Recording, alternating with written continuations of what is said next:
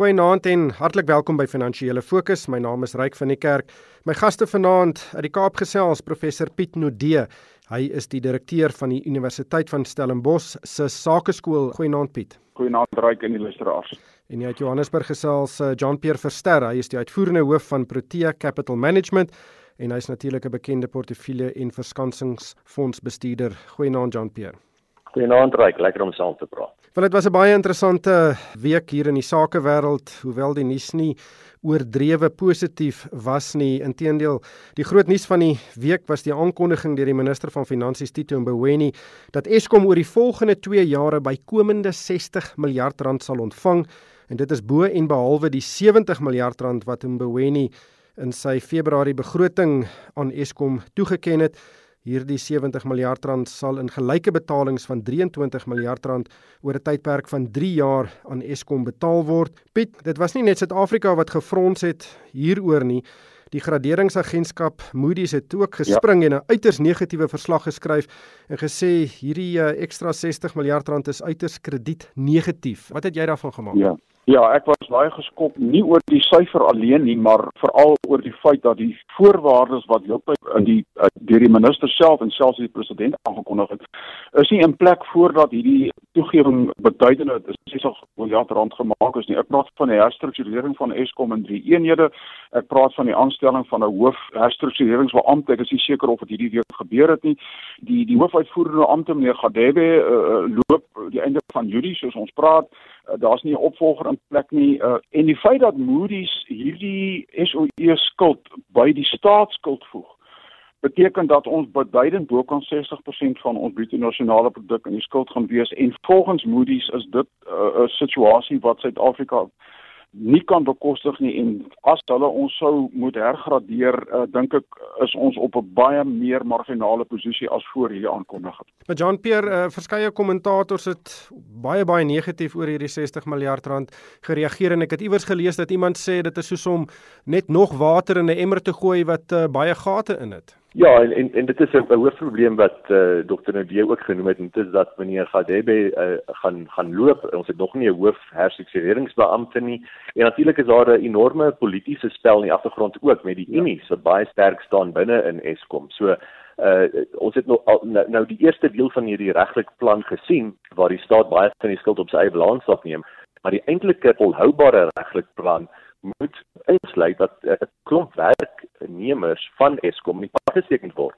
En natuurlik gaan die Unie nie baie gelukkig daarmee wees nie. So daar kom teen hier nog 'n bietjie van 'n geveg vorentoe. Ryk miskien net om daar buite sit. Dit lyk asof Eskom ook uh, die grootste verlies ooit in sy boekjaar gaan aankondig. Ek lees eers, dit is natuurlik nog nie bevestig nie, dat dit kan in 'n omgewing van 25 uh, eh, miljard rand wees. So ek dink wat Moody's en ander mense raak sien is dat hulle sien nie die die oplossing nie. Hulle sien net heeltyd geld word bygevoeg. Jy weet ons die begroting in Februarie het gesê ons gaan jy weet 4.5% en en 4.3% die jaar daarna van ons uh bruto nasionale produk. Dit lyk na bokant 6% dit by verre die grootste item in ons begroting en uh die die, die probleem is uh, ons is nie bereid om die moeilike besluite te neem nie soos personeelgetalle wat verkort moet word uh, en die ander moeilike stappe wat die unies baie, baie teen is. So ons sit hier met 'n werklike probleem omdat Eskom se gesondheid is ongelukkig Suid-Afrika se gesondheid.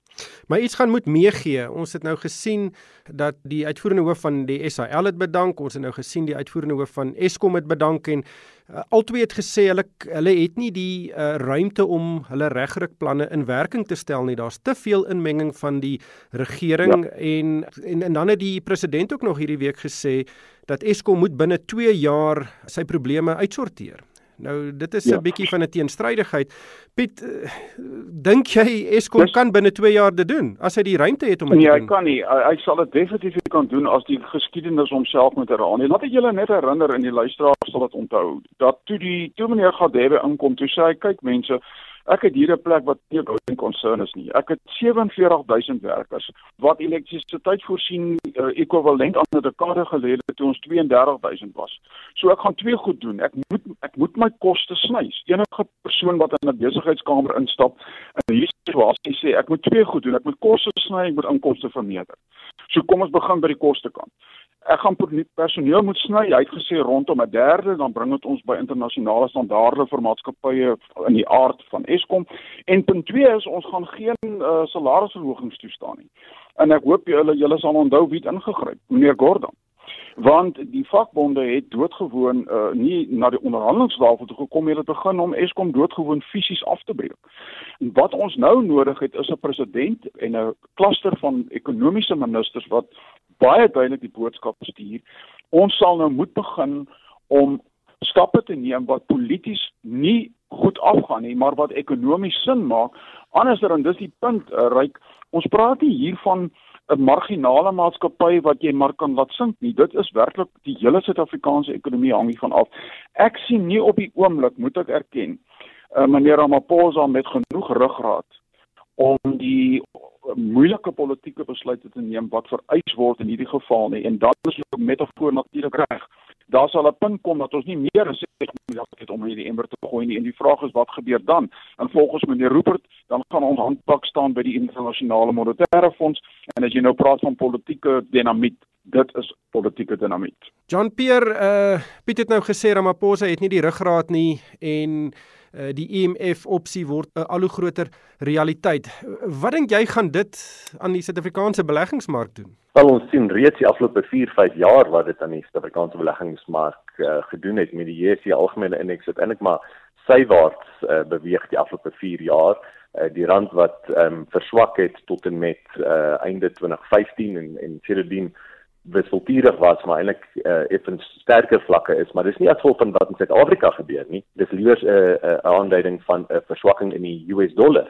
So ons het in die korttermyn 'n venster van geleentheid as 'n land om skuld uit te reik terwyl die dollar swak is en rentekoerse baie laag is in die wêreld en daai venster is vinnig besig om toe te maak terwyl die uh, die markte vorentoe kyk en ook insien dat van 'n ekwiteitsperspektief is 'n klomp Suid-Afrikaanse maatskappye se wins onder druk en van 'n rentekoersperspektief is ons in 'n stadium van lae rentekoerse en is onseker of dit gaan voortduur, gaan die hele wêreld amper soos Japan word. En rentekoerse gaan baie laag bly omdat niemand dit kan bekostig dat rentekoerse kan styg nie want regerings reg oor die wêreld het te veel skuld. Of is hierdie lae rentekoerse besig om inflasie aan te wakker en derhalwe gaan rentekoerse styg in die toekoms. En daai is 'n kernvraag wat niemand van ons regtig pertinent kan beantwoord nie, Ryk. Daar's baie slim ekonome aan albei kante van hierdie gesprek wat sê of rentekoerse gaan te baie lank baie laag bly of hulle gaan binnekort styg weens inflasie in die stelsel. Maar wat ook al van die twee gebeur, dit gaan teen teen nie 'n voordelige invloed hê op Suid-Afrikaanse beleggingsmarkte nie, dis verseker. Ja, verseker. Piet, kom ons gesels oor die openbare beleggingskorporasie. Nou Dr. Real Khoza is as die nuwe tussentydse voorsitter aangestel en dit volg nadat die vorige direksie vroeër vanjaar bedank het omdat sommige direksielede betrek is by beweerde ongeruimthede. Nou Dr. Khoza was voorheen 'n voorsitter van Eskom darm in die vroeë 2000s en voor hierdie huidige gemors begin het en hy was ook die voorsitter van Netbank en in 2012 was hy een van die eerste senior sakelei wat gewaarsku het dat die voormalige president Jacob Zuma en sy trawante besig is om droog te maak. Uh, wat dink jy van sy aanstelling? Nee, ek moet sê uh, ryk 'n uh, uh, uitstekende aanstelling op papier, 'n uh, persoon wat ten minste ek dink drie eienskappe het wat ek baie van hou. Die eerste is hy verstaan koöperatiewe bestuur, was ondervoorsitter van die King 3 en King 4 'n president van die Institute of Directors. Ek meen daar's hy hy ken die teorie, hy verstaan hoe werk koöperatiewe bestuur. Punt 2, hy het baie direkteurs ervaring. Jy het genoem voorsitterskap van Netbank Eskom. Ek dink hy was ook op 'n stadium voorsitter van GlaxoSmithKline. Hy was direkteur van Sanlam, die Johannesburgse uh, JSE Limited, IBM, Nampak, Old Mutual. So hy het baie ervaring in beide die publieke maatskappy sektor as ook die privaat sektor. En die derde ding is ek weet kortliks daarna verwys. Ek dink hy het die onafhanklikheidsruggraat polities gesproke wat ons in hierdie omstandighede uiters uiters nodig het. So ek weet nie wat nie die nuwe raad gaan wees nie, maar as voorsitter uitstekende aanstelling. Ja. Jean-Pierre, hoeveel skade dink jy het die openbare beleggingskorporasie gelei uh die afgelope paar jaar onder Dan Magila en die vorige direksie? Nou reik die ironie is dat as mens kyk na die beleggingsportefeulje van die uh OVK het hulle eintlik nie teenstaande die skade wat kom ons sê hulle probeer uh aan die organisasie uh aangebring het nie baie goed gedoen weens Naspers primêr. So die OVK is een is die grootste belegger in Naspers en het derhalwe die afgelope dekade baie voordeel getrek uit daai posisie uit. So selfs al is daar miljarde rande gemors op baie private beleggings hmm. en onderhandelinge en beleggings in in vriendelike maatskappye soos IO Technologies byvoorbeeld die die geval in van Naspers wat so goed gedoen het dit alles oorskadu so ons het in 'n interessante uh, tydperk nou waar miskien gaan Dr Koza en die ander lede van die OVK nou die organisasie regryk van 'n interne perspektief en dit mag dalk lei tot beter besluitneming en presies hoe die geld belê word en en dat dit meer onafhanklik belê gaan word. Maar as uh, ons nie weer so aandeel soos Naspers hê wat die volgende 10 jaar vir, gaan vertiendubbel nie uh, soos wat in die dekade gebeur het nie. Dan beteken dit die OVK se opbrengste kan onder druk wees nie teenstaande die goeie werk wat ons verwag hulle gaan doen. So dis 'n netelige posisie waarin hulle is dat die skade wat aangerig was was relatief klein geweest gegee dat hulle so 'n goeie deel van die portefeulje gehad het wat so goed gedoen het. Ja, wat is 'n paar miljard rand nou tussen vriende? Ehm um, mm -hmm. en en op daai noot Piet, uh Dan Magila die voormalige uitvoerende hoof het getuig hierdie week ja. of hy sy getuienis voortgesit en veral oor eie technologies. Ja. En dis natuurlik waar die OBK in 4,3 miljard rand belê het. Die ja. maatskappy was glad nie dit werd nie. Dit is die maatskappy van sy goeie vriend Dr. Iqbal Survey van die Independent groep ja. en uh dit blyk dat Dan Magila het hierdie beleggingsbesluit op sy eie geneem sonder om die beleggingskomitee te raadpleeg. Hy het egter voor die kommissie gesê dat hy word toegelaat om dit te doen ingevolge die reëls. Uh wat bietjie snaaks klink. Wat het, wat het jy daarvan gemaak? Nee, ek ek dink dis uiters swak uh, korporatiewe bestuur. As daai reëls gemaak is, is dit swak reëls. Uh, jy kan nie so groot belegging maak nie. Die probleem is as jy sit met 2 triljoen uh, jy weet in jou hande dan klink 4.3 miljard nie na baie geld nie, maar dit gaan oor die beginsel dat jy uh, het 'n verantwoordelikheid teenoor die mense wie se geld jy bestuur. Dis nie jou geld nie. En ek dink as as die reël wel bestaan, behoort hy vir so groot belegging te sê al word dit toegelaat, sal ek dit graag wil onderworpe maak aan die normale reëls wat mens sou doen. Die tweede ding wat hy gesê het is dat hy het hom verlaat op 'n tegniese span wat hom adviseer hieroor. Dis nie eintlik hy wat self die besluit geneem het en sy vriendskap met Dr. Survey wat hy erken het, het nie 'n groot rol hierin gespeel nie ek koop dit nie heeltemal nie. Ryk is nou nie 'n hofsaak nie, maar maar as jy belê in 'n maatskappy waarvan jy nie eers die vorige jaar se finansiële state voor jou het nie wat ek ken het, slegs die pre-noteringsdata, dan vlieg jy soos 'n piloot in die donker en ek vermoed dat hierdie besluit is geneem op ideologiese gronde. Hy het 'n paar keer verwys dit gaan oor swart bemagtiging, dit gaan oor alternatiewe stemme in die media. So hy bring nie besigheidsargumente in om 'n besigheidsbesluit te verdedig. Nou ek kom daarom ook al 'n rukkie aan met hierdie goed. Die oomblik as jy groot beleggingsbesluite neem suiwer op ideologiese gronde, dan is die kans dat jy 'n koöperatiewe reël gaan oortree en 'n swak besluit neem baie baie hoor as wat jy doodgewoon kyk na die feite en die syfers en ek dink in hierdie geval hy hardloop weg van die werklikheid af en hy weier om verantwoordelikheid te aanvaar. Ja, regter Lex Mpathy moet nou 'n uh, verslag aan die president stuur. Dit moet eintlik volgende week klaar wees. Ek weet nie of dit sal klaar wees nie, maar ek uh, sien baie uit om dit te lees. Ek dink nie dit gaan ook baie positiewe leesstof wees nie. Maar John Pierre, die uh, Suid-Afrikaanse Instituut vir Geoktroeëerde Rekenmeesters het hierdie week uiteindelik vir Marcus Jooste, die uh, voormalige hoof van Steinhoff, as 'n CA geskort. Uh, dit is 18 maande nadat hy by Steinhoff bedank het. Dit is uh, lank nadat die beweerde ongeruimthede aan die lig gekom het um, en hy sal nou dissiplinêr verhoor word en dit volg ook nadat hy by as 'n CA bedank het. Wat maak jy van hierdie storie? Ja, dit het ek so 'n bietjie gelag toe ek uh, dit dit lees reg want dit lyk asof so maand gelede het Marcus Jooste bedank as lid van van SAIK en toe die organisasie dit nie aanvaar nie en besluit hy is nog steeds onder die dissiplinêre proses deur en sy uh, lidmaatskap word opgeskort. So uh, ek wonder of dit 'n brief was waar hy gesê dat hy wil bedank wat hulle toe gelei het om uiteindelik uh, hierdie opskorting van krag te maak op sy lidmaatskap. En kyk as mense lid is van van SAIK, ek is self 'n lid ook. Hulle kan eintlik nie veel doen nie. Daar's nie regtig 'n sterk aspek in terme van om 'n regsaksie te neem teen iemand nie. Hulle kan eintlik maar net mense uh, lidmaatskap uh, opskort, uh, moontlike dissiplinêr doen soos wat in geval was van Jacques Wessels van KPMG en die Gupta saak en dit beteken mens kan vorentoe miskien nie weer as 'n CA optree nie, maar ek dink nie dat Marcus Jose sou in elk geval weer 'n werkie kry in die finansiële dienste sektor nie. So dit is 'n bietjie akademies van aard, maar in beginsel is dit goed om te sien dat iemand so saai uiteindelik bietjie aksie neem teen Marcus Jooste. Ja, ek dink die die tydsverloop is is uh, baie belangrik en ek dink baie mense was ongelukkig daaroor veral bestaande CA's wat dink uh, dat uh, Marcus Jooste en Anoy Singh van Eskom se uh, voortgesette akkreditasie as CA's hulle eie akkreditasie minder werd maak. Ehm um, maar Piet as 'n dokter of 'n onderwyser droog maak, dan word hulle onmiddellik geskort. Uh, hoe hoe sien jy ja, dit? Ek, ek, ja, ek moet sê uh die professies, dit sluit die mediese professie, die regsprofessie, die die argitektsprofessie en nou ook in hierdie geval die die auditeuringsprofessie is is nie bekend daarvoor dat hulle uh, vinnig en effektief teenoor hulle lede optree nou, omdat baie mense van buite beskou dit maar as 'n weet as 'n old man's club en hulle beskerm mekaar uh, en omdat hierdie dissiplinêre komitee is dat wel saamgestel word uh, op 'n wyse waar die objektiviteit nie sterk genoeg inbou nie. So wat nou gebeur is net dat jy jou reputasieskade is baie hoër vir die professie as geheel en ek dink Jean-Pierre is heeltemal korrek.